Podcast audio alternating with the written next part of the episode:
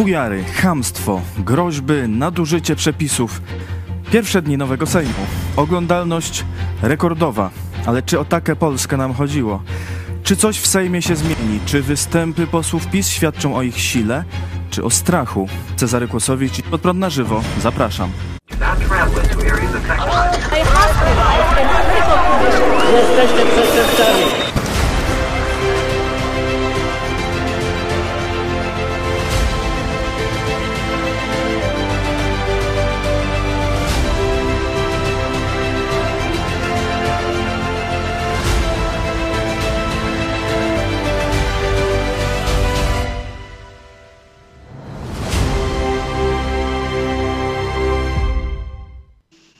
Witam serdecznie Państwa przed ekranami i przy słuchawkach i witam naszych gości. Yy, Poseł Jarosław Sachajko, Kukiz 15. Dzień dobry. Dzień dobry, kłaniam się nisko. Yy, I pastor Paweł Chojecki, redaktor naczelny telewizji Pod Prąd. Witam serdecznie. E, Wczoraj drugi dzień pierwszego e, Sejmu, E, gorąca atmosfera na sali. Zobaczmy na początek krótki fragment występu ministra Zbigniewa Ziobro. i przestrzega. Po nocy jest dzień. Przyjdzie czas, że wy też znajdziecie w ławach opozycji, a wtedy będziecie rozliczani również za łamanie konstytucji, ale też i za możliwe przestępstwa kryminalne, które z tym są związane. Niech pan nie będzie taki pewny siebie, czas biegnie szybko. Więc e,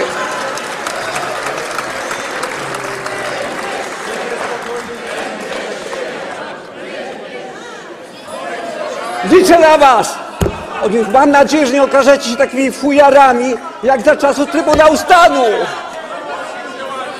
Otóż pozwólcie, że zacytuję. Pozwólcie, nie bójcie się słów Konstytucji, które będę tu przytaczał.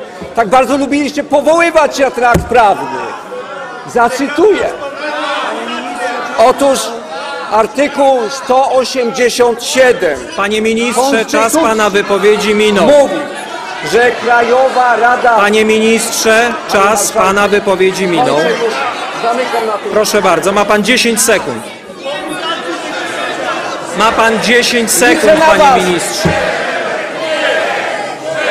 Krajowa, a jak się boją konstytucji! Dziękuję bardzo, panie ministrze.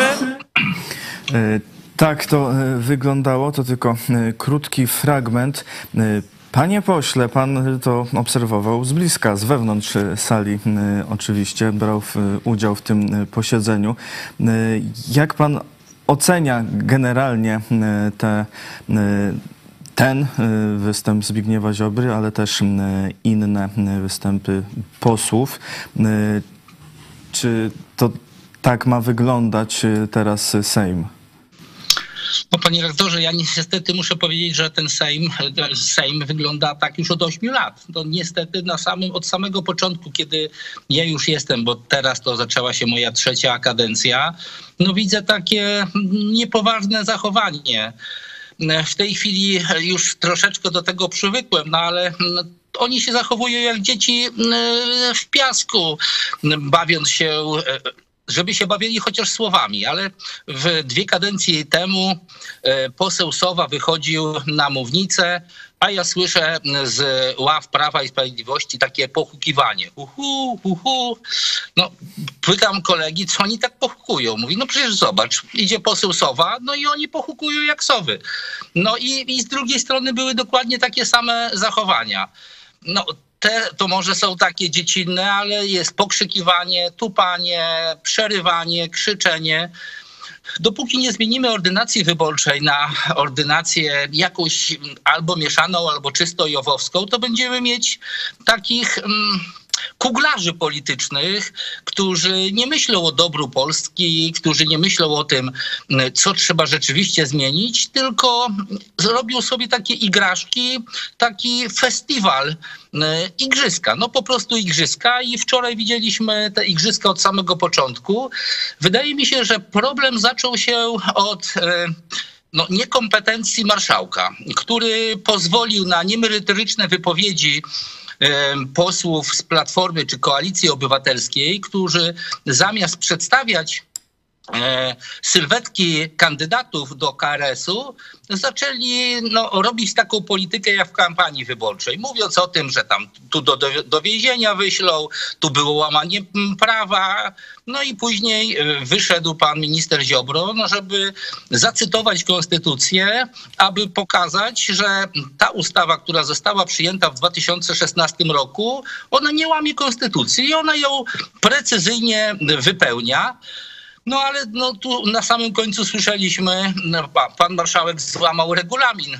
Jeszcze wczoraj mówił, jak to nie będzie teraz dobrze i regulamin nie będzie łamany, a sam złamał regulamin, bo w regulaminie Sejmu jest klarowny zapis, iż ministrowie mają prawo wychodzić na mównicę ile chcą i nie mają ograniczenia czasowego. A mm, pan marszałek powiedział, że jest ograniczenie 3 minuty, no i później pan minister chciał dokończyć, no to dał mu łaskawie jeszcze 10 minut, ale jak państwo słyszeli, nie mógł tych, przepraszam, 10 sekund, ale jak państwo słyszeli, nie mógł tych 10 sekund wykorzystać, bo posłowie z Koalicji Obywatelskiej i Lewicy rozpoczęli głośne odliczanie tych 10 sekund, żeby nic nie mógł w tym czasie e, zrozumiałego powiedzieć. I powtórzę, zabawa małych dzieci w politykę. Panie pośle, y, to y, też są pana koledzy z listy. Pan startował z list y, PiSu, czy, ale teraz oddzieliliście się, tak? Pow- Powstało jednak koło Kukiz oddzielne. Czy to dlaczego tak? Czy to z powodu tego, że tam są dzieci w piaskownicy, a wy nie chcecie w tym ich jakby firmować, ich zachowania? Powodów jest kilka. E, Po pierwsze, e, rzeczywiście startowaliśmy z list Prawa i Sprawiedliwości, gdyż umówiliśmy się z Prawem i Sprawiedliwością, że wzmocnimy ich listę swoimi nazwiskami, swoją pracą, swoim dorobkiem. E, No, taką mamy ordynację wyborczą. Mamy ordynację partyjną i partie są uprzywilejowane, jeżeli chodzi o tworzenie list i później startowanie żeby mm, mógł jakiś ruch społeczny e, wystartować, to trzeba byłoby zrobić to samo, co się udało Pawłowi Kukizowi w 2015 roku, bo jak ktoś indywidualnie chce wystartować, no bo czuje, że wie, co chce tam zrobić, to musi zorganizować całą Polskę. Czyli trzeba w co najmniej połowie Polski zorganizować listy. Na tych listach musi być odpowiednia liczba kobiet, e, muszą być tysiące podpisów, a później jeszcze trzeba przekroczyć 5% próg wyborczy w całym kraju, czyli żeby to było osiągalne, to te listy muszą być stworzone w całym kraju, no i trzeba uzyskać e, no, bardzo dużo głosów, aby ten próg, e, ten próg referendalny przejść. Nie udało nam się e, w tej chwili porozumieć z Prawem i Sprawiedliwością co do harmo- harmonogramu zgłaszania ustaw. Ja mam kilka ustaw już przygotowanych, które miałem w ubiegłej kadencji i te- tego ostatniego miesiąca też nie zmarnowałem. Te ustawy są już ujawniane po kolei na stronie sachajko.pl. I ja uważam, że do parlamentu się idzie nie po to, żeby robić takie show, jak widzieliśmy na tym wczoraj, no i na tym fragmencie nagrania, tylko po to, żeby prezentować projekty ustaw, bronić tych projektów ustaw, no i aby Polakom żyło się w Polsce normalnie. No, panie pośle, poprzednie sojusze z PiSem tłumaczyliście tym, że no, PiS obiecało wam y, uchwalenie pewnych aktów prawnych, które wy byście chcieli. Czy mógłby pan to podsumować? Czy ta koalicja z PiS Polakom się, w waszym wydaniu, Polakom się opłaciła? Co my, Polacy, dostaliśmy w wyniku e, waszej koalicji z PiSem w poprzednich latach? To długo byłoby opowiadanie, dlatego zachęcam na wejścia na stronie sachajko.pl, bo tam to opisałem, no, co trzy, punk- trzy punkty, Już, panie już, pośle. tak, tak, tak. Mówię, mówię, mówię. E, Ale chyba taką największą ustrojową zmianą, jaką e, udało nam się zrobić, to jest ustawa antykorupcyjna. Ustawa antykorupcyjna, która ma, no nie jest to krótka ustawa, ale przede wszystkim nie da się już posłów kupować spółkami Skarbu Państwa. Czyli posłowie nie będą mogli zasiadać w spółkach Skarbu Państwa i brać sowitych wynagrodzeń. Po drugie, e, partie polityczne ujawniają, kto wpłaca na ich funkcjonowanie oraz gdzie one te pieniądze wydają. Po trzecie, od najbliższych wyborów samorządowych również wójtowie, prezydenci, e, czy burmistrzowie nie będą mogli również zasiadać w spółkach e, samorządowych. Po czwarte czy już piąte, urzędnik, właściwie każdy, kto zostanie skazany za korupcję, z automatu traci pracę. Do tej pory było tak, że to sąd decydował, czy ta korupcja była zła, czy nie była zła. No korupcja jest zawsze zła i jeżeli urzędnik zostanie skazany za korupcję, to, to z automatu traci pracę. Za pierwszym razem na rok, a za drugim razem, jeżeli zostanie skazany na korupcję, to będzie mógł, mm, to, czy to straci tę pracę dożywotnio. Więc no, ustawa naprawdę bardzo dobra dla zwykłych obywateli. Kolejna ustawa, która, e, którą przygotowałem i którą obroniłem przed Sejmem, to jest produkcja konopi siewnych e, przez rolników. E, Znacząco podwyższyli, o 50% podwyższono normę THC, tak żeby rolnik nie był producentem narkotyków bo, bo, bo, bo ta norma była bardzo nisko i już rolnik nie będzie musiał prosić swojego wójta, czy mu pozwoli na produkcję konopi siewnych, czy nie, tylko zgłasza tę informację, że, że je produkuje. No i trzecia ustawa y, to jest pozwolenie na to, aby instytuty podległe pod ministra rolnictwa mogły uprawiać konopie medyczne. W ubiegłej kadencji udało nam się przekonać Prawo i Sprawiedliwość, tak trochę siłowo to zrobiliśmy, aby w, w aptekach były dostępne konopie medyczne. Ale sprowadzamy je z Izraela, yy, z Holandii czy z Kanady. W tej chwili już polskie instytuty przygotowują się yy, do tego, żeby te konopie były w Polsce produkowane, żeby były cały czas dostępne i tanie. Kolejna ustawa, do której przekonaliśmy Prawo i Sprawiedliwość i większość sejmową, to aby matki, które lata temu poszły na takie wcześniejsze emerytury, aby opiekować się swoimi niepełnosprawnymi dziećmi, dostawały mm, podwyższoną emeryturę do zasiłku opiekuńczego, bo w tej chwili były one poszkodowane, dostawały najniższe emerytury, pomimo tego, że wciąż opiekują się swoimi niepełnosprawnymi, w tej chwili już dorosłymi e, dziećmi. Więc tych rozwiązań, e, tych ustaw, które są opisane na stronie sachajko.pl jest 10 i tak jak mówię, w tej chwili mam kolejne 10 ustaw przygotowane i będę chciał je systematyczne, systematycznie składać. Myśli pan, że y, obecna większość sejmowa przyjmie te projekty? Liczę na to, że tak, bo, bo obietnice były składane czy to w, za, w e, zakresie rolnictwa, czy właśnie tych zmian ustrojowych przez, e, nie tylko przez Prawo i Sprawiedliwość i Kukiz 15, ale również przez Platformę Obywatelską. Więc oni mówią, e, co chcą zrobić, a ja już to zrobiłem, przedstawię, no i myślę, że nie będą tego blokowali. E, Wróćmy do e, wczorajszych wydarzeń e, w Sejmie. Zbigniewa Ziobro występ stał się popularny, ale również ministra Czarnka. Zobaczmy fragment jego wypowiedzi. Panie marszałku, panie marszałku rotacyjny. Przepraszam bardzo. Przepraszam bardzo, ale w Otóż, tym panie momencie, marszałku, panie ministrze, narusza pan powagę tej Izby marszałku. i jej organów. Ma pan trzy minuty na wystąpienie. Panie marszałku, to wyście nazwali tę funkcję marszałkiem rotacyjnym, to nie my. Dlaczego pan ma o to pretensje? No przecież niech pan ma pretensje do swoich. Panie marszałku, jest taka dobra zasada, nie mierz kogoś swoją miarą. To pan teraz nadużywa regulaminu, a mówi o nadużycia prawa, zanim ja jeszcze wystąpiłem, na litość boską. Nie mierz kogoś swoją miarą. Panie ministrze, Tak korzysta pan samo- ze swojego czasu. Panie marszałku, teraz ja mówię. Takie są standardy w Izbie Demokratycznej. Otóż Otóż mamy do czynienia z daleko posuniętą już nie bezczelnością, tylko wręcz chamstwem politycznym. Z tej mównicy przed momentem występował przedstawiciel lewicy, która uzyskała, proszę Państwa, w tych wyborach milion osiemset kilkadziesiąt tysięcy głosów. Występował po ministrze Zbigniewie Ziobrze, który startował z komitetu wyborczego, który uzyskał 7 milionów 660 tysięcy głosów.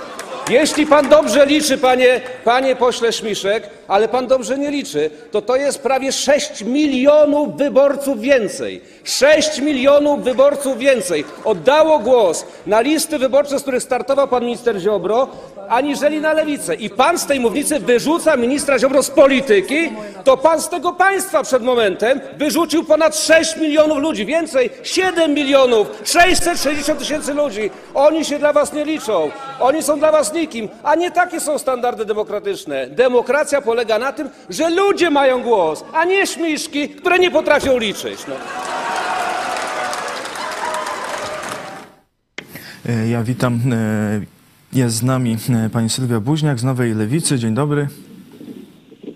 Dzień dobry, witam serdecznie. Witamy. E, Komentujemy wydarzenia wczoraj, wczorajsze e, w Sejmie. Mówiliśmy już o Zbigniewie Ziobro, teraz Przemysław Czarny, który swoje wystąpienie zaczął no, od, powiedziałbym, obrażania e, marszałka. E, Potem jeszcze obrażał posła e, Śmiszka.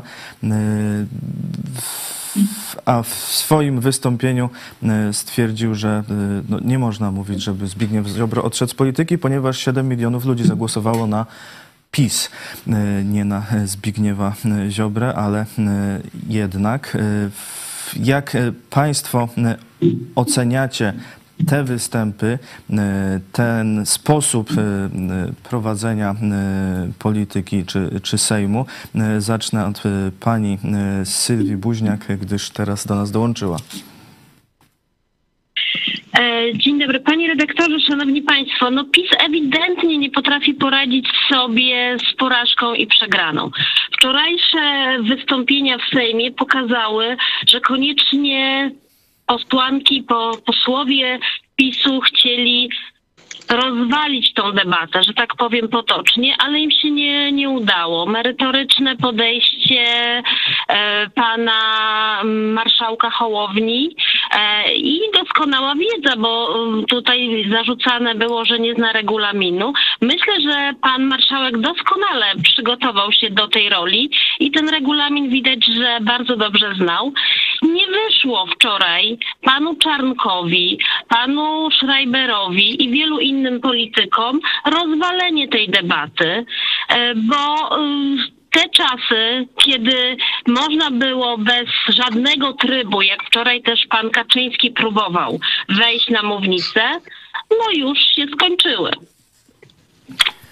E, Poseł Sachajko przed e, chwilą e, twierdził, że jednak e, marszałek Hołownia niedobrze stosował regulamin, gdyż e, w regulaminie nie ma e, określenia, żeby, żeby można ministrowi narzucać czas, że minister może w każdej chwili wejść na mównicę na tyle, ile chce.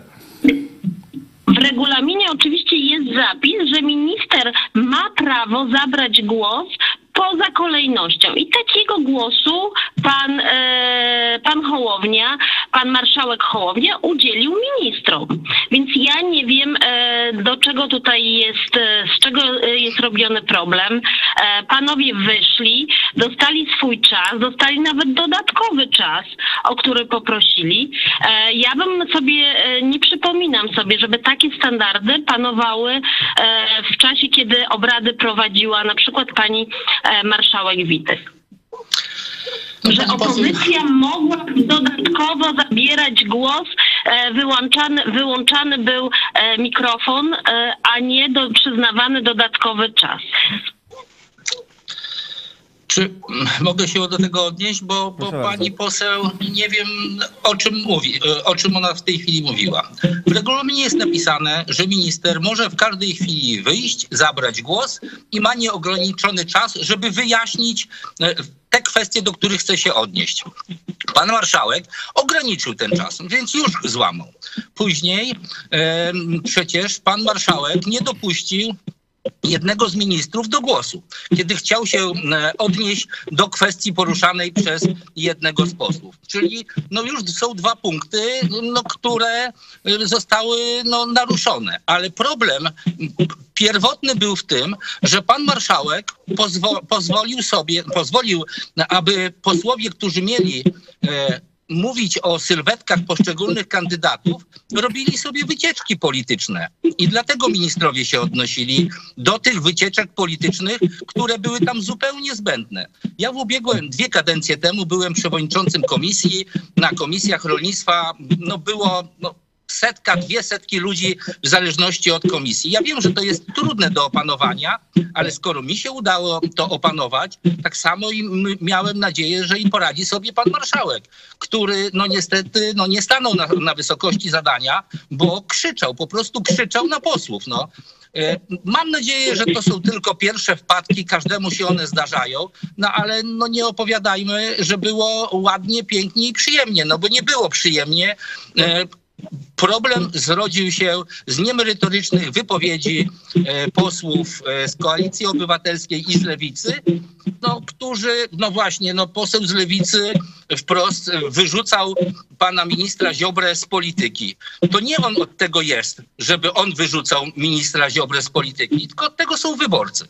No, A minister panie- Ziobro do, panie- dostał... Ja jeszcze chciałam Prosimy, prosimy. Przede wszystkim pan, e, pan poseł odnosi się do wypowiedzi e, Krzysztofa Gawkowskiego i absolutnie to nie była wypowiedź wyrzucania pana ministra e, z polityki czy z życia publicznego, tylko zaznaczenie, że już czasy, kiedy minister Ziobro był ministrem, właśnie się kończą.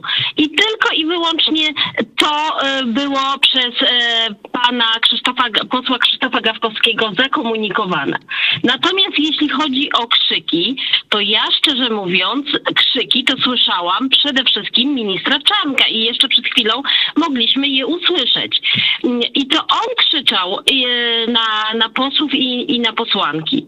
Natomiast prezentacje, które przedstawiał Krzysztof Śmiszek i prezentacje e, posłów e, Platformy, e, kandydatów i kandydatek do KRS-u były merytoryczne. Natomiast wyszedł pan Jarosław poseł, Kaczyński i zamiast przedstawić, przedstawić swoją kandydatkę i, e, i kandydatów, to obrażał opozycję, bo ja nie usłyszałam żadnego merytorycznego przedstawienia e, ze strony Jarosława Kaczyńskiego, jeśli chodzi o marsz, e, panią marszałek Witek, żeby zaprezentował jakąś e, dobrą cechę, którą chciał e, przedstawić e, panią marszałek. Obrażał opozycję, to było przedwczoraj, nie wczoraj. No ale no właśnie pani się gdzieś pogubiła w tych swoich wypowiedziach. No, wczoraj pan prezes Jarosław Kaczyński nie zabierał głosu. Po pierwsze, no, Powiedziałam przedwczoraj. a więc, więc, a przedwczoraj, no właśnie, pan prezes mówił o kandydatce w przeciwieństwie do tego, co było, co, co wczoraj prezentowali przedstawiciele, przedstawiciele Komisji, Koalicji Obywatelskiej oraz e, Lewicy. No ale tu nie chodzi o to, żeby się tutaj w tej chwili wymieniać argumentami, no bo ta debata wyglądała bardzo źle po dwóch stronach. Ja wcale nie zamierzam bronić posłów Prawa i Sprawiedliwości, którzy no, dosyć głośno krzyczeli, że pan e, marszałek łamie regulamin. No, mam nadzieję, że on to zrozumiał i następnym razem będzie potrafił przywołać do porządku wszystkich Jak posłów. jesteśmy przy regulaminie, to ja sobie pozwolę przeczytać ten punkt y, regulaminu. Y, To jest artykuł 186, punkt drugi. Marszałek Sejmu udziela głosu członkom Rady Ministrów poza kolejnością mówców zapisanych do głosu, ilekroć tego zażądają. No, nie ma tu mowy o tym, że. Znaczy w ogóle nie ma mowy o czasie, ani o tym, żeby Dokładnie. ograniczać, ani o tym, żeby nie ograniczać. No ale jak wyobrażam sobie rolę marszałka w tym, żeby jakiś porządek, obrad przeprowadzić, no to nie, nie może dać nieograniczonego czasu po prostu komuś, kto chce, no bo wyszedłby jakiś minister i po prostu mógłby mówić cały dzień, więc no jakieś tak, prawo do ograniczenia musi mieć. Minister Jurgiel miał, jak był ministrem, miał swoją wypowiedź ośmiogodzinną. Y, Po co mamy parlament? No tylko po to, żeby jak małpki podnosić rączki, no właśnie po to, żeby wymieniać się argumentami. I do tej pory ministrowie wychodzili i nikt im czasu nie ograniczał. To jest pierwszy raz, kiedy ministrowie w trakcie takich debat mają ograniczone, e, ograniczane e, czasy. Jeszcze raz mówię, początki są trudne. Mam nadzieję, że to jest e, tylko pierwsza taka wpadka i więcej takich rzeczy nie będzie. Ale panie pośle, mm, już zostawmy te spory regulaminowe, bo tu rzeczywiście no, nie ma tego czasu, stąd tu jest jakaś nieprecyzyjność regulaminu. Ale jak pan odebrał te groźby e, ministra Ziobry, który no, przecież znany jest z upolitycznienia prokuratury, z prześladowania opozycji. Ja sam mm, mam proces jako pastor, ale też jako komentator polityczny właśnie, że tak powiem, z, z, no, z namaszczenia prokuratora generalnego Ziobry. Stąd wiem coś o tym. Jak pan odebrał te groźby w stosunku do posłów opozycji, czy niebawem koalicji rządzącej, że tu zaraz będzie zmiana i może też nawet im stawiać zarzuty korupcyjne? Nie, nie, tam to, to nie były te, to nie było takich gruźb. Ja bym raczej prosił, żeby odsłuchać jednak całość tej mm, debaty. Tam chodziło o to, że posłowie opozycji mówili, że, że poseł Ziobro będzie siedział. No i on tam e, sobie zażartował, żeby mm, byli bardziej skuteczni niż mm, kilka lat temu, bo pamiętamy, to było w tej kadencji 2007 2012, e, e, kiedy chcieli postawić pana Ziobrę przed Trybunałem Stanu, no im to nie wyszło, zabrakło jednego czy dwóch głosów. Ale ja nie o tym mówię. Mówię, jak on mówił, że uważajcie, bo po nocy przychodzi dzień e, i zwrócił się personalnie. I że będziecie również opozycją. I, i, I że powiedział, że zarzuty kryminalne też mogę wam postawić. Panie rektorze, e, my jako Kukiz 15 od 2015 roku mówimy, że prokuratora generalnego powinni wybierać obywatele w wyborach powszechnych. E, sądownictwo to jest trzecia władza, bardzo ważna władza. Ona naprawdę powinna być odpowiedzialna przed obywatelami, a nie przed politykami. W tej chwili, w 2016 roku, zmieniła się ustawa o wyborze członków KRS-u. No i obywatele, jakiś pośredni przez swoich posłów, mają wpływ na to, kto e, zasiada w tym KRS-ie. Ale uważamy również, że członków KRS-u powinni wybierać obywatele w wyborach powszechnych. Bo proszę zauważyć, mamy władzę wykonawczą, ustawodawczą i sądowniczą. I jak na te dwie no pierwsze tak, władze Panie pośle, pan mają... mi opowiada o ustroju, a ja pytam się o groźby. Jak pan jako poseł ocenia mm, ministra sprawiedliwości, no, który... panie redaktorze, o, dziękuję, negatywnie. dziękuję. Tu się zgadzamy. To zapytam teraz na podsumowanie tych wątków tak e, ogólnie. E, co zrobić, e, żeby te polityka generalnie, dyskusje w Sejmie wyglądały faktycznie e, merytorycznie, e, przy okazji może kulturalnie też byłoby e, miło i tak, żeby były dysku, było dyskutowane, co zrobić, żeby w Polsce było lepiej czy dobrze, a nie przepychanki, kłótnie, okrzyki. Pani Sylwia Buźniak najpierw. Ja jeszcze się odniosę tylko do ministra Ziobro, bo jeszcze y, nie zostało, nie, nie zosta w ogóle tak, do wyborów z obietnicą wyborcom, że wszystkie grzechy PiSu zostaną rozliczone. I przede wszystkim również grzechy pana Zbigniewa Ziobro. I mogę tutaj obiecać, że nikt już nigdy nie zamknie się w toalecie w czasie takich głosowań i takiej odpowiedzialności. Bo wszyscy politycy PiSu, ci co łamali prawo, muszą zostać rozliczeni. I to jest tyle i aż tyle. Natomiast co do debaty publicznej, to ja też bym sobie życzyła, żeby ona e, była naprawdę, naprawdę miała takie standardy i demokratyczne, ale i takiej e, kulturalnej rozmowy, bo przecież my wszyscy potrafimy ze sobą rozmawiać. I I ta, te rozmowy są, e, są również e, rzeczowe, merytoryczne, e, kulturalne, więc one mogą też się przenieść na forum Sejmu i mam nadzieję, że ta kadencja będzie dużo spokojniejsza i ta debata będzie merytoryczna.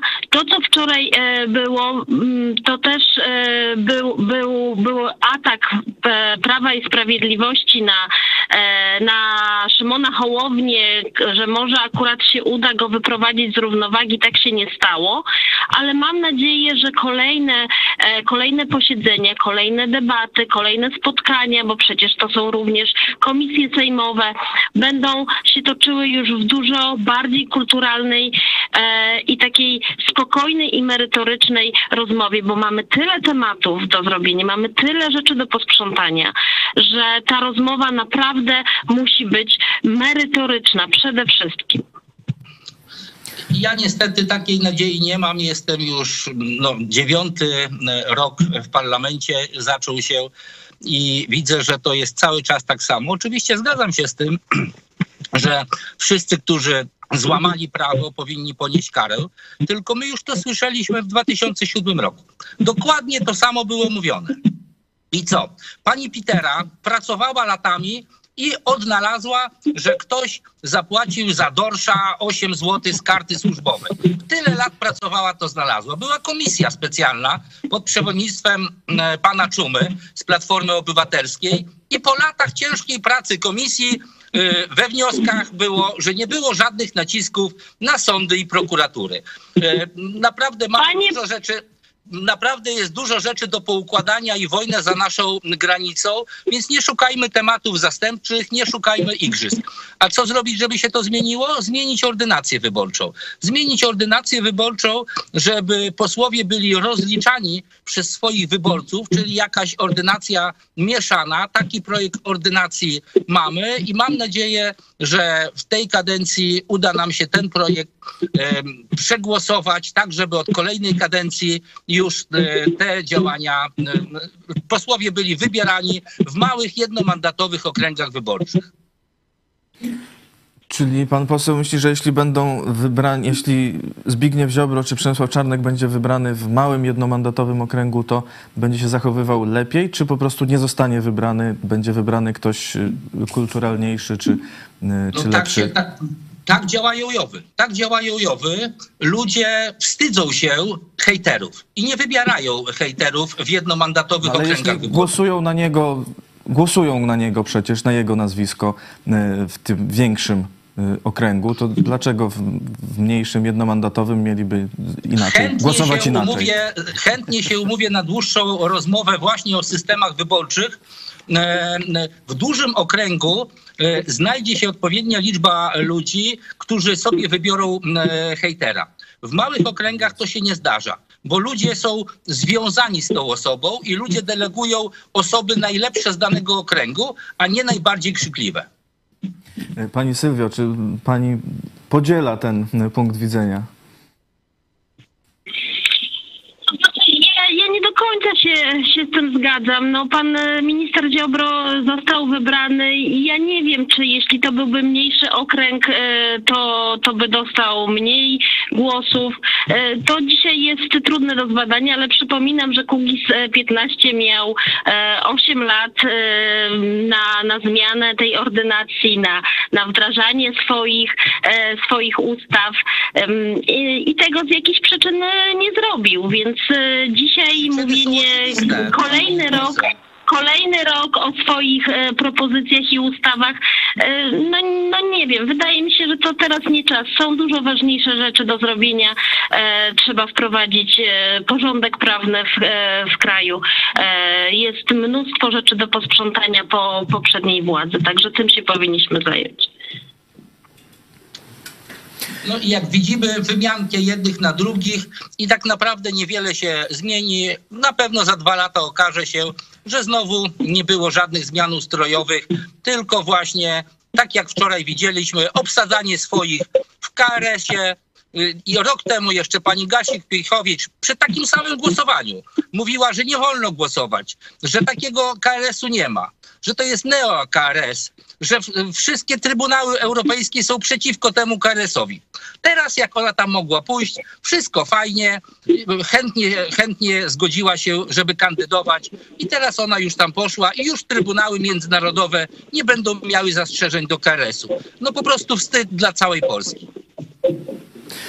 E, Mamy komentarze e, naszych widzów. E, Zachęcam też widzów do udziału w sądzie. Czy zachowanie ministrów Czarnka i Ziobry świadczą o sile i pewności moralnej, czy o strachu przed więzieniem, czy e, o czymś innym? E, Zachęcam też do e, wpisywania swoich komentarzy. Rudolf B. pisze jak w przedszkolu i my na ich cyrk płacimy. Tadeusz, czasami taki śmiech jest reakcją na szok, traumę, jaką jest niewątpliwie przegrana w cudzysłowie dobrej zmiany i to nie tylko u Ziobry, ale u wszystkich członków gangu Kaczyńskiego. Różnie się to objawia.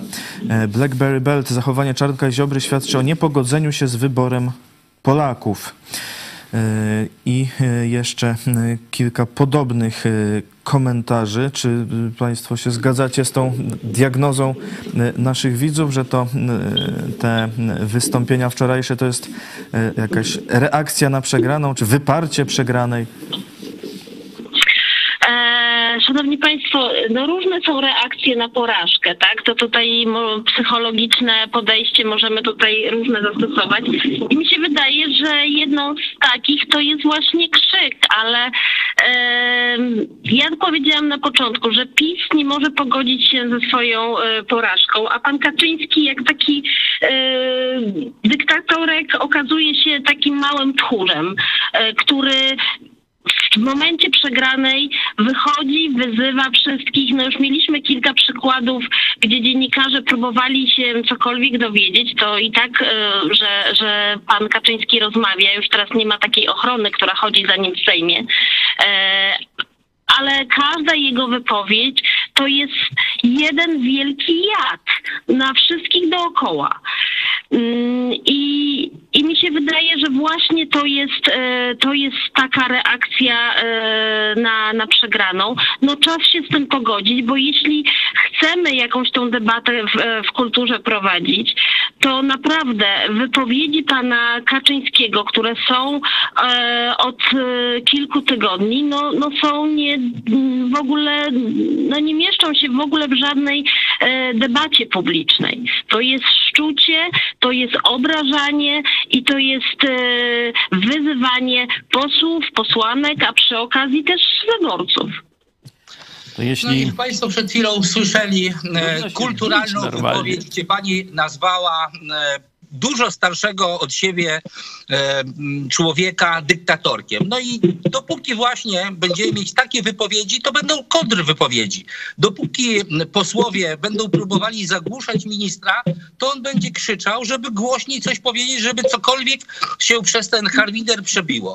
I dopóki pani Sylwia będzie tak się wypowiadała, dopóty ludzie nie będą tego akceptowali i będą uważali, że polityka to jest bagno. Bo niestety w takim wydaniu pani Sylwii to jest bagno. No i tak moglibyśmy... No, panie, panie pośle, z moich ust, z moich ust nie padło że, obrażenie nikogo. Nie, no to E, I proszę nie. No, ja nie jestem tutaj od tego, żeby być e, miła dla, dla, dla opozycji, tylko żeby odpowiednio opisywać sytuację. I tak ja to czuję, ale tak też czują, tak też czują, tak też czują wyborcy, którzy e, głosowali na, e, na nas jako na e, koalicję, jako trzecią drogę i jako lewicę. Pani Sylwia... Powie- Dali, dali wam czerwoną kartkę. Y, Panie pośle, tu pani Sylwia nie jest y, w Sejmie. Dzisiaj pani współprzewodnicząca Nowej Lewicy y, mówi jako komentator polityczny, także stąd może sobie pozwolić na nieco ostrzejszy język, a my wracamy do Sejmu i chciałem takie dwa zdania podsumowania. Jedno o Ziobrze, drugie o Czarnku. Ten taki, taki jakiś pogardliwy, czy, czy histeryczny, czy diaboliczny, nie wiem jak go nazwać, ten śmiech, który tak, no spróbujcie mnie ruszyć, ja jestem wielki kozak, może za paskiem mam coś, tak jak to kiedyś na jednej z uroczystości wyszło, no pokazuje nam, że mamy człowieka, który nie panuje nad swoimi emocjami, i on nie tylko jest tam posiadaczem broni do ochrony osobistej, to tu psycholog powinien się tym zająć, bo tam są badania psychologiczne, a to za, za, zachowanie świadczy o jakimś, jakimś poważnym zaburzeniu e, ministra, ale gorzej jeszcze, bo on stoi na czele Ministerstwa Sprawiedliwości i prokuratury. I wielu ludzi może skrzywdzić człowiek tak pogardliwie e, patrzący na swoich przeciwników politycznych, tak butny, e, arogancki i tak pokazujący na swoją wielką władzę. Jeśli chodzi o profesora katolickiego Uniwersytetu e, Lubelskiego, wychowanka księdza jednego tutaj z jednej z lubelskich parafii, Mm, to zachowanie, e, kiedy on mówi z jednej strony ludzie, a z drugiej śmiszki, tak e, skonstruował paskudnie swoją wypowiedź. Nie będę o demagogii i kłamstwie wcześniej mówił związanej z tymi liczbami.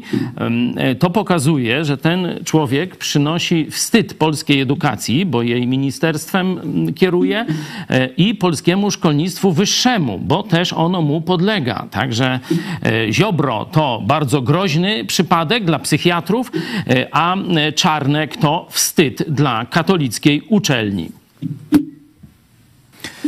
E, ja chciałbym poruszyć jeszcze e, jedną sprawę, sprawę rządu Mateusza Morawieckiego, który teraz ma formować, ma czas na formowanie.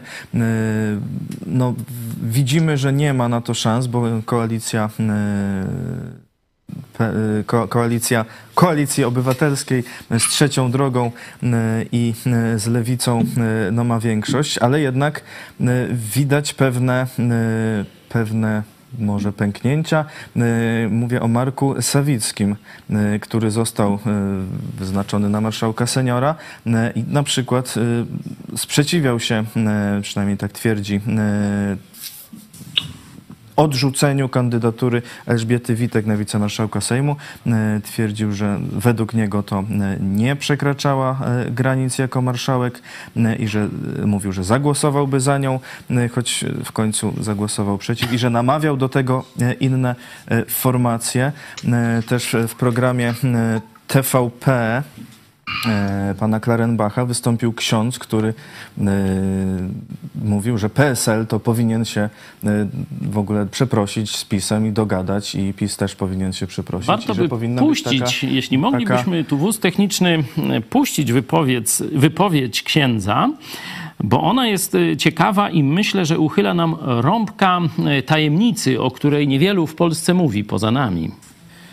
E, za chwilę e, to puścimy, ale panie e, pośle, czy, czy widzi pan, będąc tam w parlamencie, w ogóle jakąś możliwość, żeby ktokolwiek dołączył do Prawa i Sprawiedliwości teraz w, tym, w tej próbie tworzenia rządu, żeby tu się jakieś relacje odwróciły?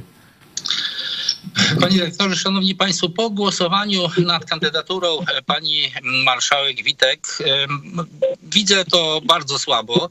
E, z wypowiedzi pana marszałka seniora Sawickiego jeszcze w poniedziałek rano, to chyba było w Radiu Z, on mówił, że, on, że ona była dobrym marszałkiem, że powinna być tym marszałkiem, że właśnie trzecia droga jaka ta, jako taka nowa jakość nie zamierza meblować E, Prawu i Sprawiedliwości kandydata do, do, na marszałka. No i później była taka wypowiedź pana e, szefa Koalicji Obywatelskiej, byłego, a może i przyszłego premiera Tuska, który powiedział, że to głosowanie będzie takie będzie pokazywało, czy jest jedność opozycji. No i okazało się, że trzecia droga dosyć elastyczny kręgosłup ma, no i zagłosowała przeciwko tej kandydaturze. E, Więc e, wydaje mi się, że tutaj wszyscy już e, chcą przejąć władzę, chcą te 6 tysięcy miejsc w spółkach i radach nadzorczych objąć, ministerstwa i, i, i tysiące innych miejsc pracy, które będzie można rozdawać. Tylko czy po to się idzie do, do władzy, aby tak na siłę tak skrajne, skrajne ugrupowania razem tworzyły rząd. Jeżeli będzie taka wola parlamentarzystów, to taki rząd za dwa tygodnie powstanie i no, będziemy mierzyć się, mam nadzieję, że już nie z hejtem, bo dla mnie bez różnicy, czy, człowiek, czy ktoś jest w parlamencie, czy ktoś jest w audycji publicystycznej, nigdzie nie powinien obrażać innych osób. I mam nadzieję, że większość posłów tak samo będzie uważała. Pani Sylwio, czy pani może coś wie o jakichś e, pęknięciach e, w koalicji?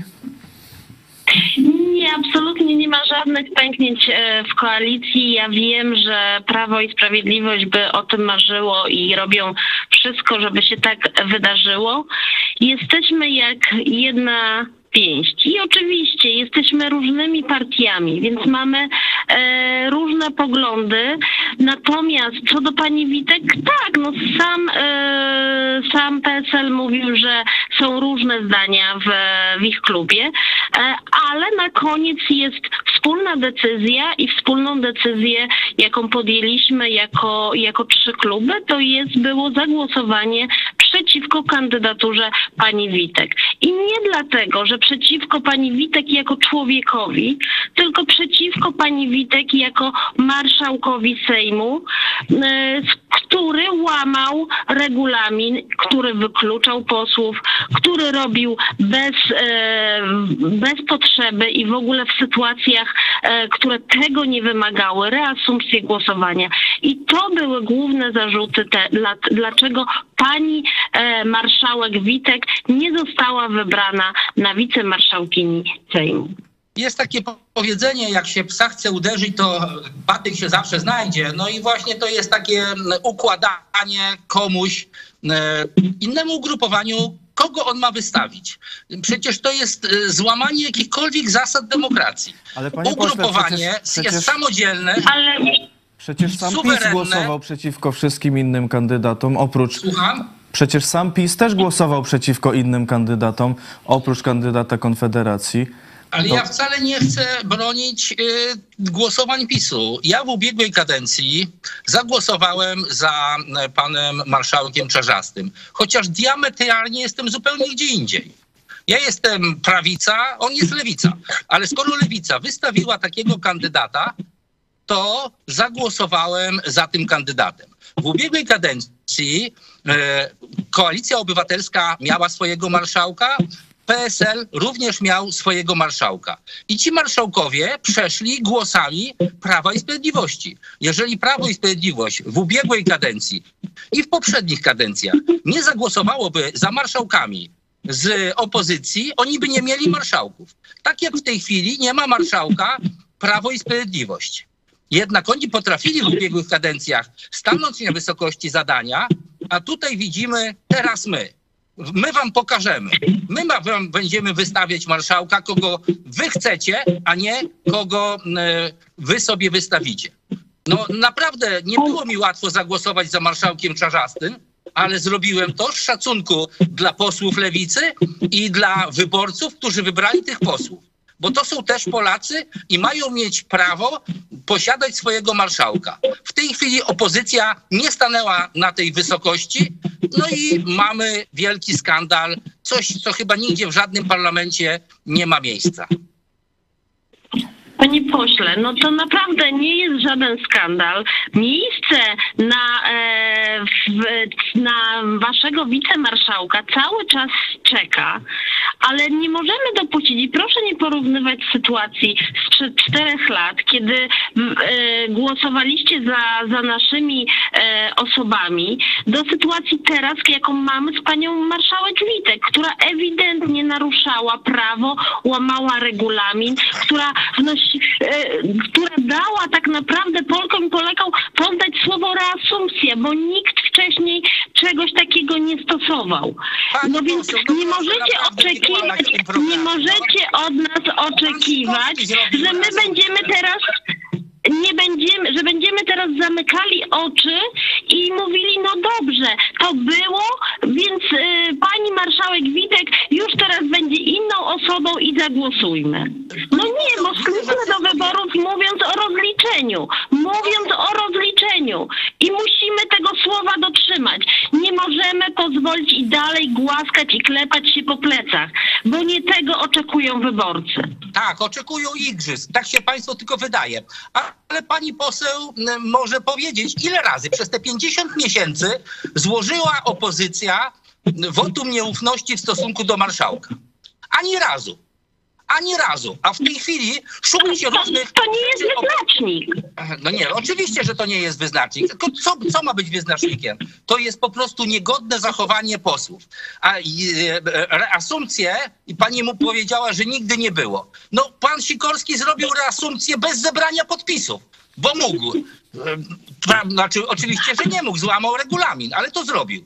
A wtedy reasumpcja była, kiedy było zebrane 30 podpisów, bo ta reasumpcja była z mojego powodu bo poseł ma prawo się pomylić. Nie powinien się mylić, ale jest tylko człowiekiem. I ja się pomyliłem, koledzy zrobili tak samo jak i ja, bo ja wtedy prowadziłem to, e, to e, głosowanie w naszym e, kole. Więc to, to było zebrane 30 podpisów zgodnie z regulaminem i była reasumpcja. Państwo naprawdę szukają takich dziecinnych argumentów i zachowują się nieodpowiednio. Jeszcze raz, Panie ja pośle, no ale za- nagrania, musimy, musimy przerwać, bo przegramy. No przecież wszystko są nagrania, naprawdę. No I znowu, dobrze. Ja zachęcam wszystkich do odnalezienia tych nagrań. Zachęcam do zobaczenia, jak prowadził pan Niesiełowski e, e, e, obrady, jak prowadził pan Sikorski na, e, obrady. Więc szukają państwo dziury w całym. A nie próbują państwo budować wspólnoty, tylko próbują państwo szukać tych igrzysk. Zamiast zająć się rzeczywiście, tak jak pani mówiła, ważnymi sprawami, a przede wszystkim zająć się spełnianiem obietnic wyborczych. Bo naobiecywali państwo Polakom rzeczy na dwa razy więcej niż jest w ogóle pieniędzy w budżecie. I dlatego, że państwo wiedzą, panie że te pośle, rzeczy robią, Prze, przerwę, no bo właśnie obietnica rozliczenia. Ja na przykład głosowałem przeciwko PiSowi właśnie z nadzieją, że was rozliczy, że ta opozycja was rozliczy, czyli Ale zaczęła was? rozliczać, no ale i kogo tyle. was? Panie pastorze, kogo was? No was, czyli koalicję niemiłościwie nami rządzącą przez ostatnie pierwsze, 8 ja nie lat. rządziłem. Po pierwsze, ja nie rządziłem, więc musi, Ale powinien pan to popierał być pan tych precyzyjny. rządzących, popierał pan prokuratora Ziobrę. Ale to nie, no dobrze, to czekam teraz, panie pastorze, na rozliczania mnie. Słucham. Jakie ma pan do mnie zarzuty? Przecież nie mówimy o rozliczaniu poszczególnych posłów, chyba że popełnili jakieś przestępstwa.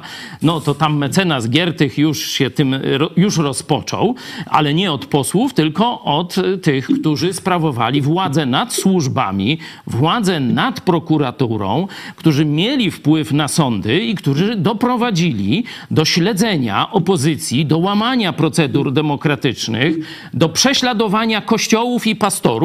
To wszystko wasz rząd zrobił i Nie czekam wasz, ja na w rozliczenie.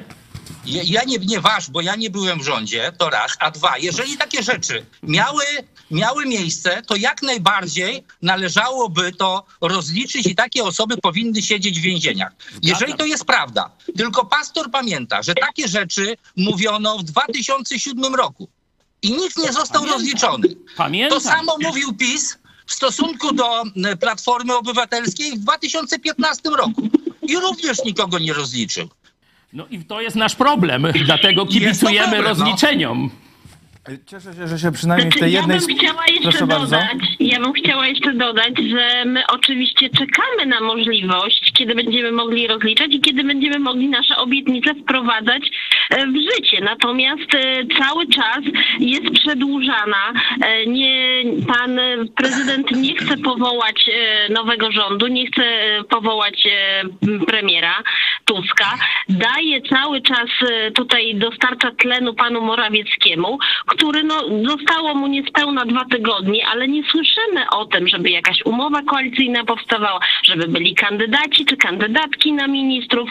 No nic takiego się nie dzieje. Natomiast przedłużamy e, życie tego, e, tego rządu po to, żeby jeszcze kolejne były zakładane, e, zakładane spółki, kolejne instytuty, jak Instytut Badań nad Renesansem i Barokiem, który pan Czarnek e, tworzy w Zamościu, który jeszcze nie zaczął funkcjonować, a już pochłonął 200 tysięcy i takich przykładów w całym kraju jest mnóstwo. My byśmy chcieli zacząć właśnie wdrażać swoje obietnice e, w życie, natomiast cały czas e, nie możemy, bo jest cały czas przedłużane życie tego e, rządu i pan prezydent nie, nie podejmuje decyzji, gdzie sam był świadkiem, że pan Morawiecki i jego rząd dzisiaj nie ma większości. Pani poseł powtarza cały czas, cały czas, to jest dwa tygodnie różnicy. A może z szacunku dla tych wyborców, którzy zagłosowali na Prawo i Sprawiedliwość, bo Prawo i Sprawiedliwość zdobyło 15% więcej głosów niż Koalicja Obywatelska. Może należałoby jednak nie próbować łamać tego, tego dobrego obyczaju, który działał przez 30 lat. Jeszcze raz powtórzę, to jest dwa tygodnie. Państwo w tej chwili już mogą pracować. Ja przygotowałem przez ten miesiąc dwie ustawy nowe. Państwo też powinni przygotować te ustawy. E, Też przygotowaliśmy dwie. Bardzo się cieszę. I można, złożone. y, I bardzo się cieszę. I można nad tym pracować. Więc nie opowiadajmy cały czas, bo to jest dwa tygodnie, a może i będzie krócej, bo jeżeli pan em, premier Morawiecki zauważy, że rzeczywiście nie uda się zbudować tego rządu, to może wcześniej rzec się tej misji. Ale te dwa tygodnie naprawdę nie są kluczowe w tej chwili, bo parlament pracuje. Proszę zauważyć, mieliśmy już dwa dni pracy, w kolejny wtorek będzie kolejny dzień pracy. Więc parlament pracuje, państwo istnieje. Cieszę się, że się zgadzamy, przynajmniej e, w tej e, kwestii e, wszyscy Państwo się zgadzacie, że trzeba rozliczać przestępstwa, trzeba rozliczać łamanie prawa i mamy nadzieję, że do tego dojdzie, że, że to się tym razem uda, choć już kilka razy były zapowiadane te rozliczenia i niestety ich nie zobaczyliśmy. Tym razem są tak, y, mam wrażenie, y, dużo mocniej i konkretniej, y, dużo mocniejsze i konkretniejsze te zapowiedzi, więc może się uda. Dziękuję bardzo naszym gościom. Poseł Jarosław Sachajko, Kukiz 15. Dziękuję. Dziękujemy. E, I pani Sylwia Buźniak, współprzewodnicząca Nowej Lewicy w Lubelskim. Dziękuję bardzo. E, Dziękuję dziękujemy. bardzo. E, Teraz e, zobaczmy fragment z marszałka Hołowni, który potem podsumowywał te występy i połączymy się z następnym gościem. Głosowało 452 posłów, za 245, przeciw 191, wstrzymało się 16. Stwierdzam, że Sejm propozycję, aby w dyskusji nad tym punktem porządku dziennego Sejm wysłuchał trzyminutowych oświadczeń w imieniu klubów i koła, przyjął. E, W, gdzie mamy listę mówców? Niestety. Mieliśmy przed chwilą. Bardzo cenię Państwa komentarze i uwagi, natomiast zwracam też uwagę z mojej perspektywy, że stają się odrobinę monotematyczne. Zachęcam do większej oryginalności, pracy intelektualnej. Obrazić też trzeba umieć.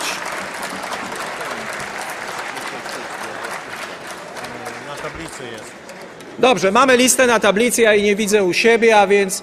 e, E, To marszałek Hołownia, a, a ja witam profesora Mariusza Jędrzejko, pedagoga i socjologa. E, Dzień dobry. E, Dzień dobry, kłaniam się panu i państwu. Witam również. E, Panie profesorze, jak e, pan ocenia e, ten wczorajszy dzień w Sejmie, e, te e, wypowiedzi, e, kłótnie, wyzywania e, i, i tym e, podobne wydarzenia?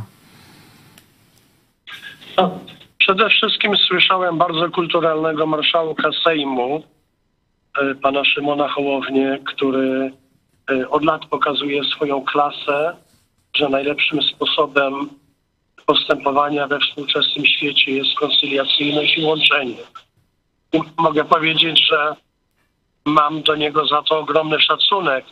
A z drugiej strony, no co, spotkaliśmy się z zachowaniami, które przypominają trochę socjopatów, czyli ludzi, którzy akceptują tylko swój pogląd, swoje postępowanie i nie dopuszczają, że ktoś inny może myśleć inaczej, że może mieć y, inny pogląd na rzeczywistość społeczną. No, y, zdziwienie musi budzić, chociaż to może nie jest zdziwienie, a raczej zgorszenie, że ci dwaj panowie posłowie reprezentują tak ważne urzędy, czyli Ministerstwo Nauki i Edukacji oraz Ministerstwo Sprawiedliwości.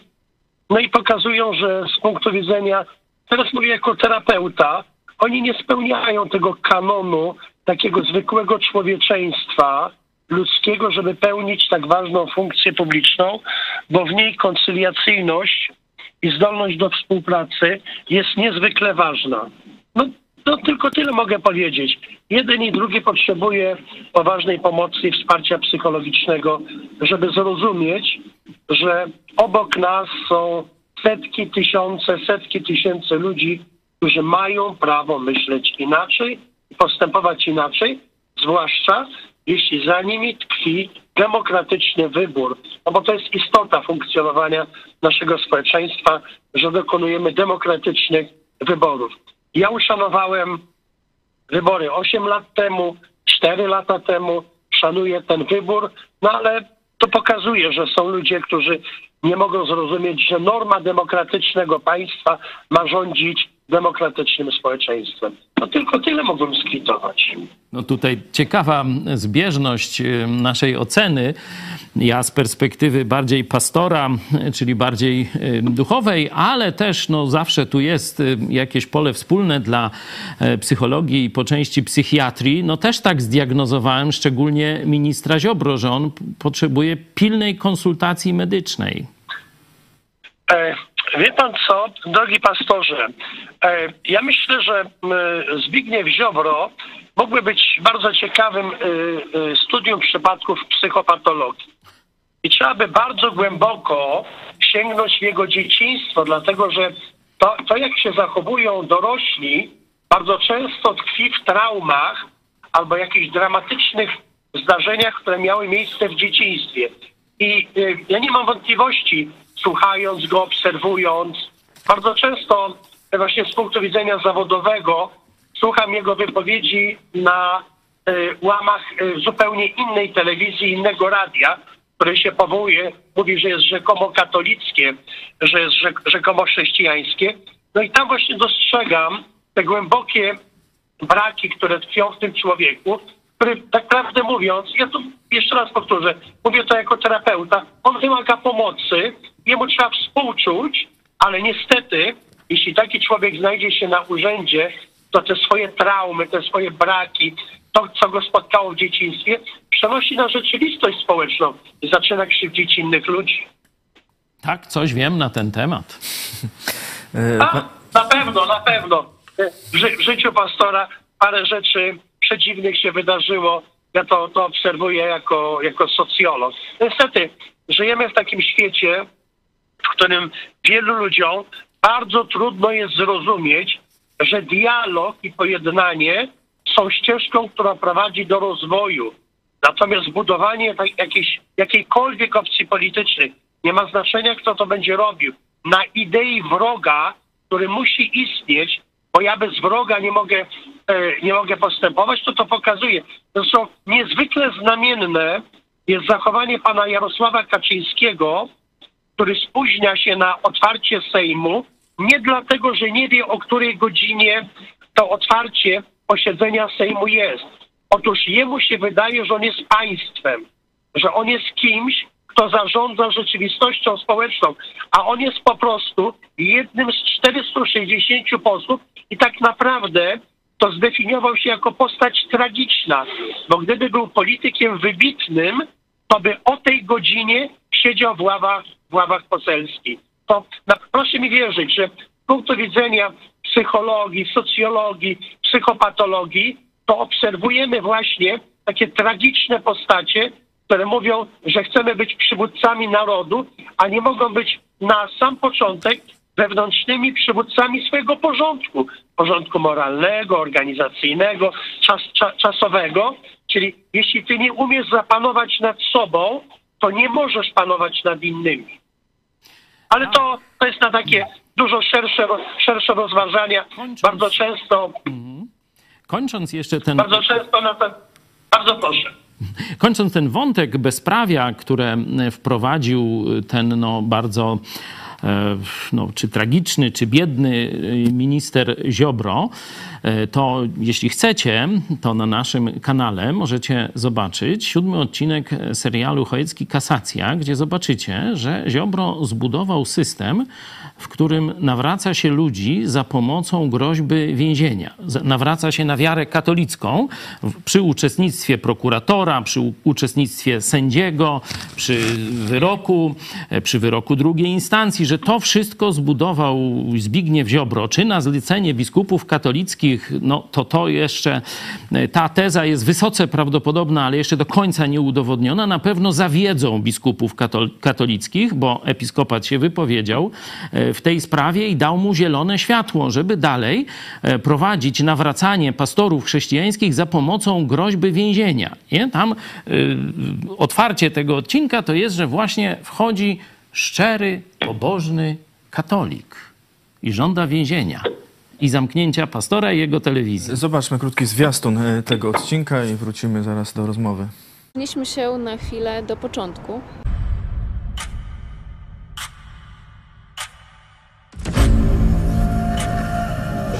Jestem gorliwym katolikiem. Jakikolwiek byłby wyrok w tej sprawie, mimo wszystko doprowadzi on do opamiętania się oskarżonego nazwanie e, osoby, która się tam objawiła e, zjawą, może być uznane za uraźliwe. Sąd widzi y, nadzieję w tym, że oskarżony opamięta się.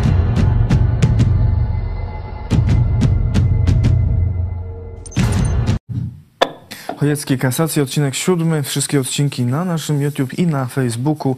E, Zachęcam e, do e, oglądania. Odcinek już, już jest ich siedem. Także tę historię tych dziwnych wydarzeń, które są z tym związane, możecie obejrzeć w takiej formie. Panie profesorze, ja jeszcze chciałem e, wrócić do e, posłów, ministrów e, i poprosić o ocenę działań i wystąpień ministra nauki i edukacji Przemysława Czarnka. No, to jest minister, który oczywiście zajmuje się uczelniami i szkołami, więc pan jako profesor i e, dodatkowo zajmując się pedagogiką, e, tu e, szczególnie pewnie jest zainteresowany. Chciałbym wrócić do tego wątku, który przed chwilą podjęliście i powiedzieć, że ja w tej sprawie nie mam oceny. Nie znam na tyle całej sprawy i raczej byłbym mniej radykalny. Nie, mówiłby, nie mówiłbym, jeśli nie mamy na to empirycznych dowodów, że za tym kryją się jacyś hierarchowie Kościoła katolickiego. Prosiłbym Was, żebyście w takim wypowiadaniu byli bardziej powściągliwi, dlatego że e, oceny, które rzucamy w rzeczywistość społeczną i to, w jaki sposób ja to przed chwilą usłyszałem, to też jest pewnego rodzaju takie zachowanie no, niekoncyliacyjne, bardzo ostre. Nie znam tego. Ale Panie profesorze, dotyczące... dowody, panie profesorze, dowody są. Dowody są zarówno oficjalne stanowisko Nie, nie. episkopatu, jest, że... Dro- Drogi, drogi pastorze, nie, nie, nie, nie. To nie jest ta metoda. To nie jest ta metoda. Pastor chwileczkę. chce mnie wciągnąć w rozmowę na temat, na który ja się nie znam. Którego chcę nie, którego nie znam. Ja nie Pro- chcę- Ale właśnie, ale przepraszam bardzo, wykorzystujecie moje nazwisko. Mieliśmy rozmawiać o czymś zupełnie innym. I państwo wciągacie mnie. O Ziobrze. O niebezpieczeństwie mamy Ziobry. Mamy rozmawiać o jego, nie, mamy rozmawiać i tak zostałem zapytany o jego wystąpieniu.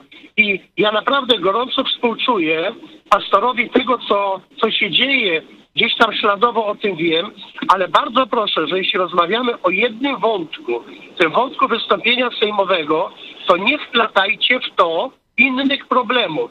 To, co teraz zrobiliście, jest nieetyczne. Tak się nie postępuje. To nie jest profesjonalne zachowanie dziennikarza, kogoś, kto ma rozwiązywać problemy. Jeśli chcecie słyszeć moją Przyjmujemy opowieść... krytykę, panie profesorze, no to za, zadam pytanie, czy... Kochani, ja was bardzo szanuję, bardzo was szanuję. Wzajemnie. Y, y, Ale- Wypowiedź y, pana ministra Ziobry w Sejmie jest skandaliczna i nie mieści się w standardach etyki.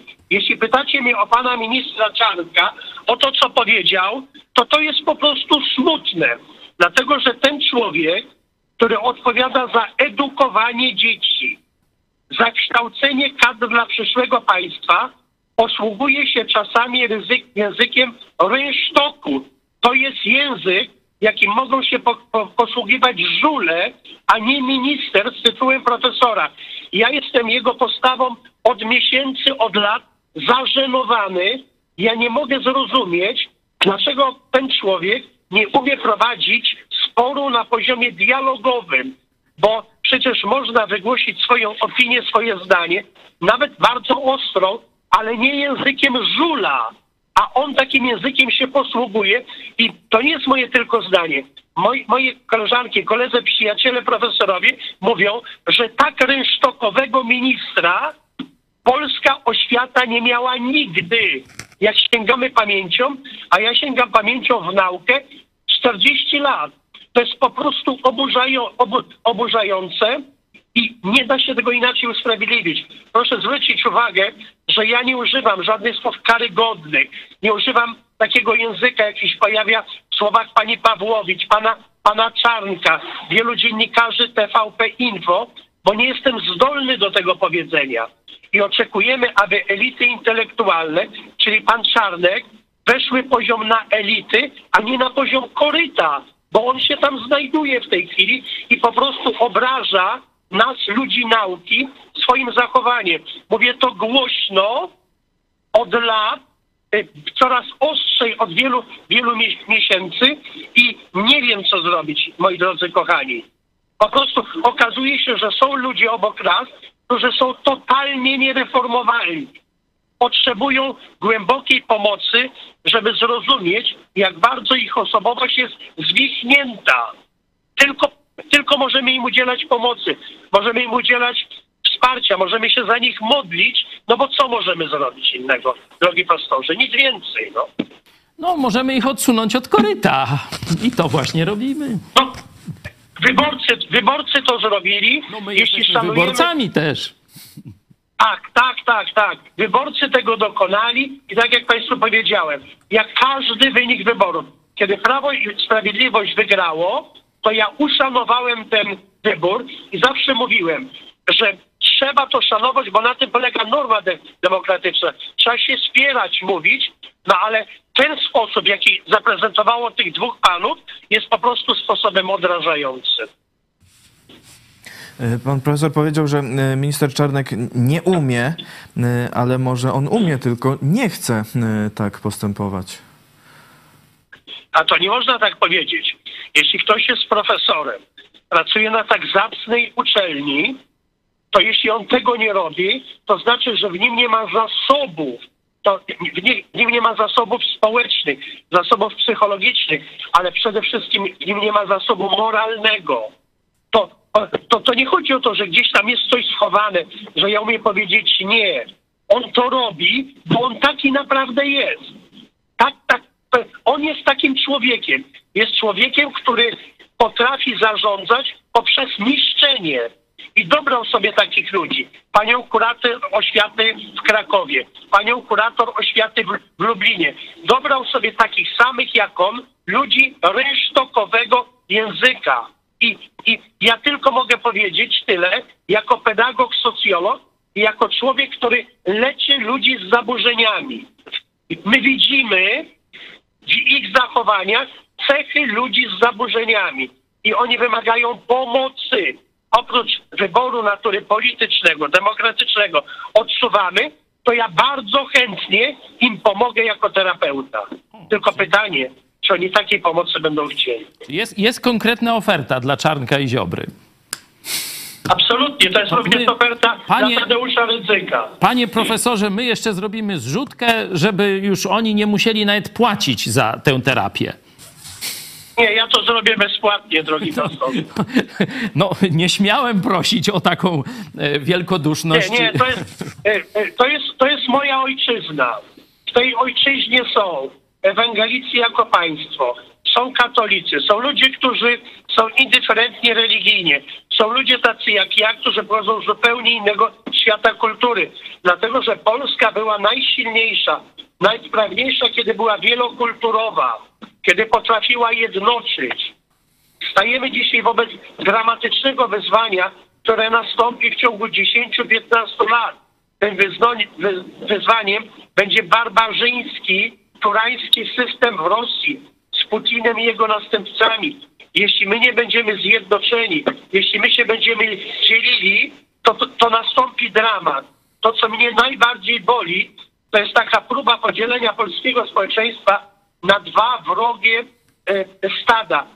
Ca, cała moja nadzieja w tym wyniku wyborczym, który się dokonał, to jest nadzieja, która się opiera na panu Szyno, Szymono, Szymonie Hołowni, na człowieku, który potrafi być koncyliacyjny. Ja tak się cieszę, że nowy człowiek stanął na czele Sejmu, który na pewno nie będzie robił reasumpcji głosowania, czyli nie będzie wdrażał kłamstwa. I y, y, jest coś takiego jak zbiorowa bezpieczeństwo w, y, w, w głowach ludzi, taka zbiorowa mądrość.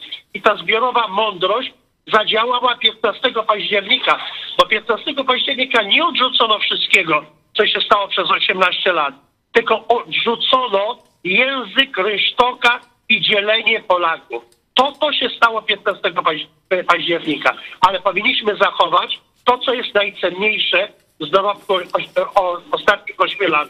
Nie wyrzucać tego, tylko zachować i kontynuować. Łączenie. To jest najlepsza cecha, która buduje narody. Łączenie. Łączenie. E, Dziękuję e, bardzo za e, ten głos. Profesor Mariusz Jędrzejko, pedagog i socjolog. Dziękujemy. Dziękujemy. Dziękuję bardzo. profesorze. Teraz przejdziemy do jeszcze jednego wątku, do tej właśnie wypowiedzi księdza o PSL-u. Zobaczmy, co powiedział w telewizji polskiej. Powinien PiS dogadać się z PSL-em. Jakiś czas temu rozmawiałem z panem Markiem Sawickim i powiedziałem, weźcie się, dogadajcie z tym PiSem i kopnąć tych wszystkich tamtych innych, tych pseudoekologów, tych wszystkich zielonych, co oni wyrabiają. Proszę księdza. Proszę księdza. Nie godzi się. W sensie, w sensie duchowym nikogo nie każe fizycznie kopać, absolutnie. Yy, Chodzi o tą ideologię, którą trzeba odrzucić. Pan Marek Sawicki powiedział, ale PiS nas nie chce. No i teraz yy, wrzucę kamyczki najpierw do PiSu, do ogródka, bo PiS powinien, uważam, przeprosić ludzi za swoją pychę, bo przegrali wybory, byli zbyt pewni siebie. Innych poobrażali, za, nie wiem czy za piątkę dla zwierząt, y, która bardzo źle zadziałała, przeprosili. Poprzepraszać się z PSL-em, a PSL niech się nie zachowuje jak obrażona panienka, tylko niech przebaczy wszystko i niech się dogadają z PiSem, niech wystąpią z tej pseudokoalicji, która prędzej się jeszcze rozpadnie niż powstała i razem, bo są podobne wartości, razem bronić Polski. Panowie,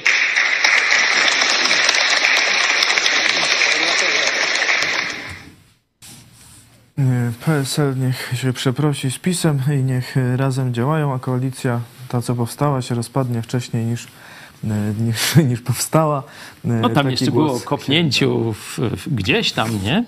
Ale no to już jakoś tam ksiądz skarcony powiedział, żeby kopnąć w duchowość ich, nie? Jakoś tam, czy jakoś duchowo ich kopnąć. O, może tak, nie? No ale żarty na bok. To jest, myślę, najważniejsza informacja z ostatnich dni. Oczywiście możemy sobie tam gadać o czarnku, możemy... niż Nowy Sejm? Dużo ważniejsza. Ponieważ to pokazuje e, praktycznie już historyczną kolaborację Kościoła rzymskokatolickiego, a dosłownie, do, dokładnie chodzi o jego hierarchów, o kler katolicki, nie? że tu nie chodzi o tam kilkanaście milionów katolików oczywiście, tylko chodzi o kler katolicki, który knuje z władzą. E, To jest już kilkusetletnia e, tradycja. Przypominam, że i przed zaborami to przecież i kościuszkowcy odkryli, jak prymas i najwyżsi biskupi knuli z rosyjską władzą, żeby zdradzić Polskę, żeby sprzedać e, Polskę. E, To później przy wszystkich powstaniach widzieliśmy, że papiestwo i najwyższa hierarchia e, przeklinały, wyklinały powstania i tak dalej, i tak dalej. Nawet Dmowski, chyba w, to był 916 rok, o ile dobrze pamiętam, pojechał do Rzymu prosić o wstawiennictwo papieża, znaczy poparcie przez papiestwo e, sprawy polskiej, no i usłyszał, że ma tam słuchać cesarza czy cara i tyle e, zwojował. Także to było historyczne już, e, o tym w, w książkach do historii, a już na pewno nie tych w książkach Czarnka, jak to się nazywa, Pic, czy jakoś Kik, Pic, jakoś taki dziwnie tam.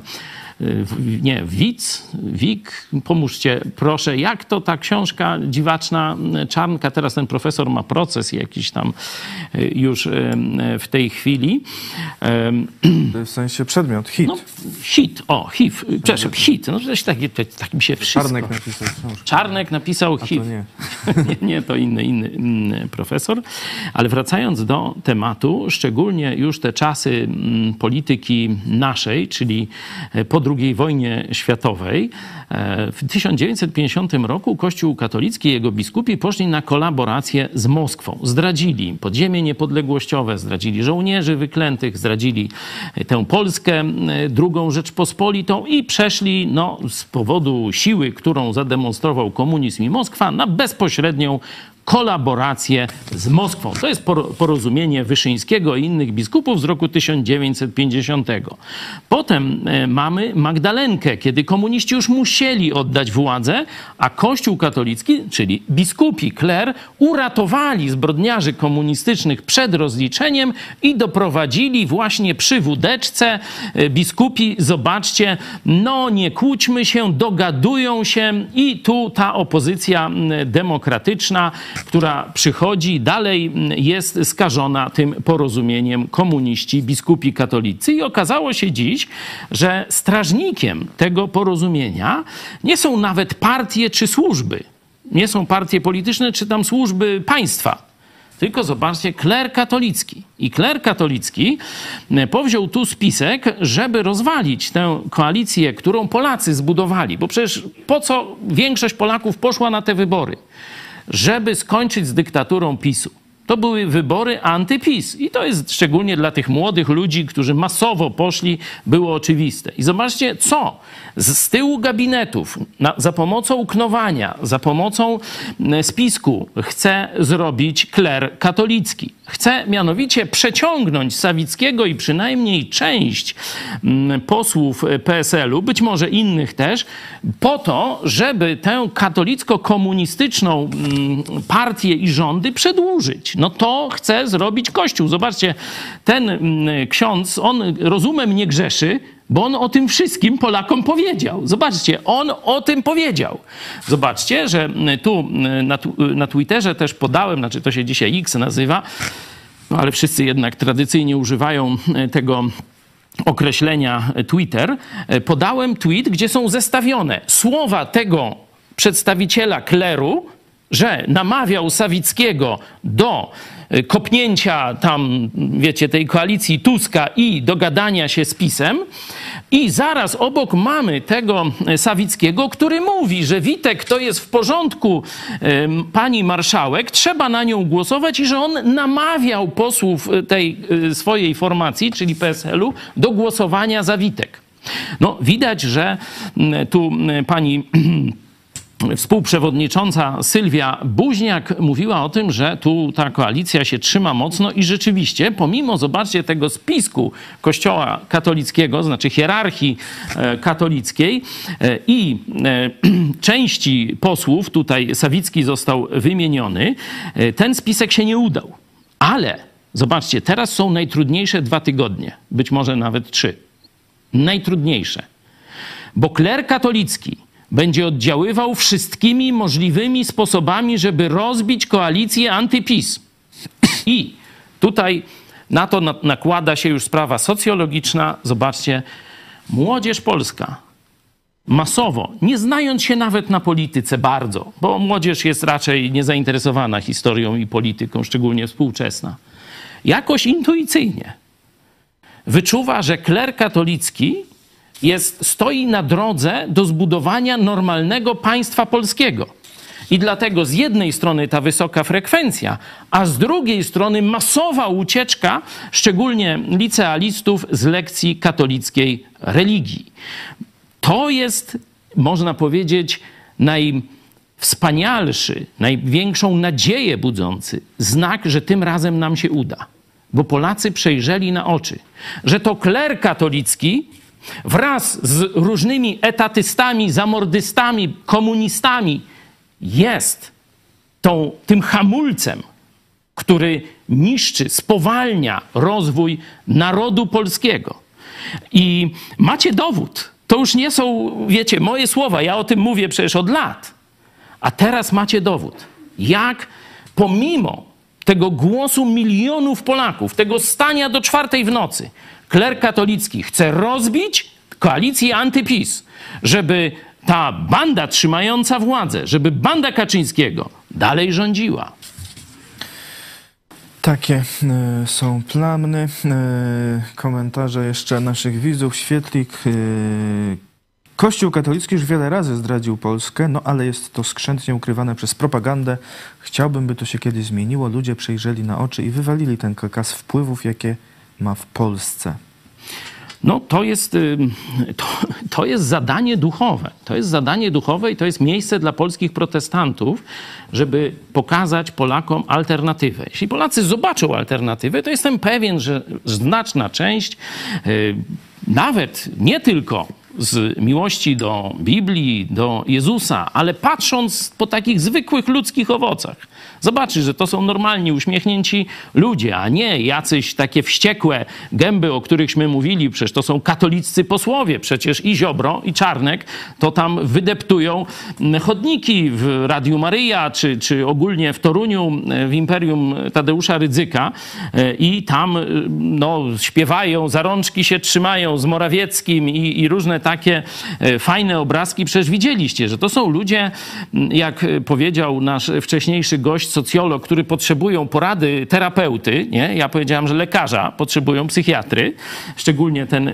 pierwszy, e, bo to jego zachowanie było rzeczywiście jakieś bardzo diaboliczne, takie, czy, czy, czy jakieś takie, no, pokazujące, że jest na jakimś kryzysie, kry- kryzysie szaleństwa, to ten taki śmiech, to wykrzywiona gęba, to takie jakieś prowokowanie i tak dalej, to są wszystko e, objawy jakiejś no, poważnej niedyspozycji e, psychicznej.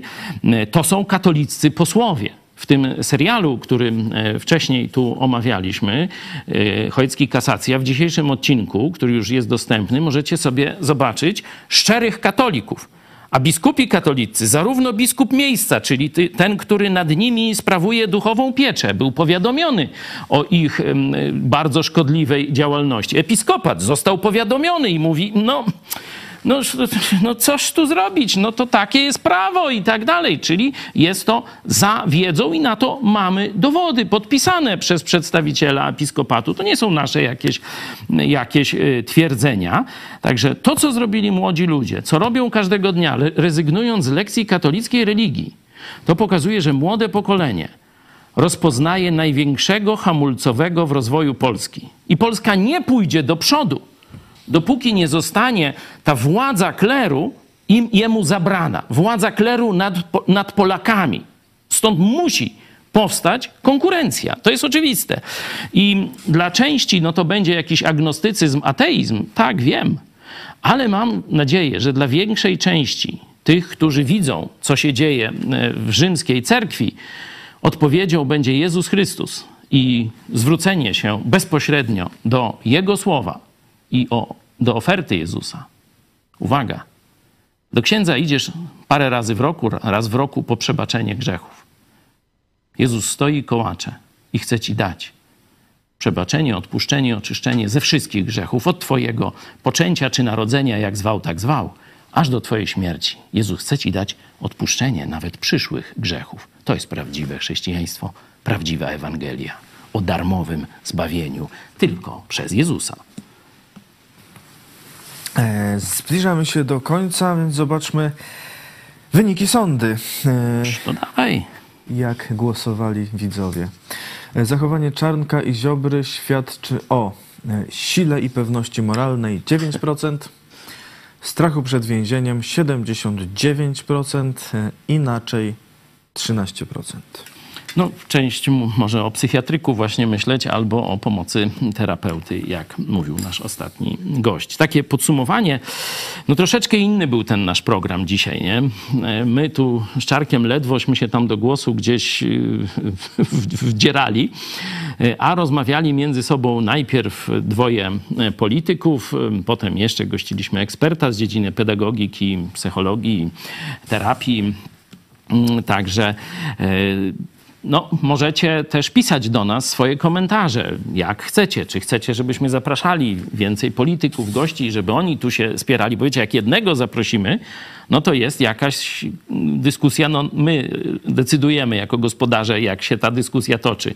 Ale jak jest dwoje czy dwóch, no to oni się już, wiecie, nawalają między sobą i to jest trudniej troszkę nad tym zapanować. My nie wprawieni, także e, prosimy Was o oceny, o rady. Dziękujemy też za wsparcie. Widziałem tutaj e, też już Darek Superczatowicz. Był nie wiem, czy jeden, czy więcej, ale bo tu mam czat, to to mi się rzuciło.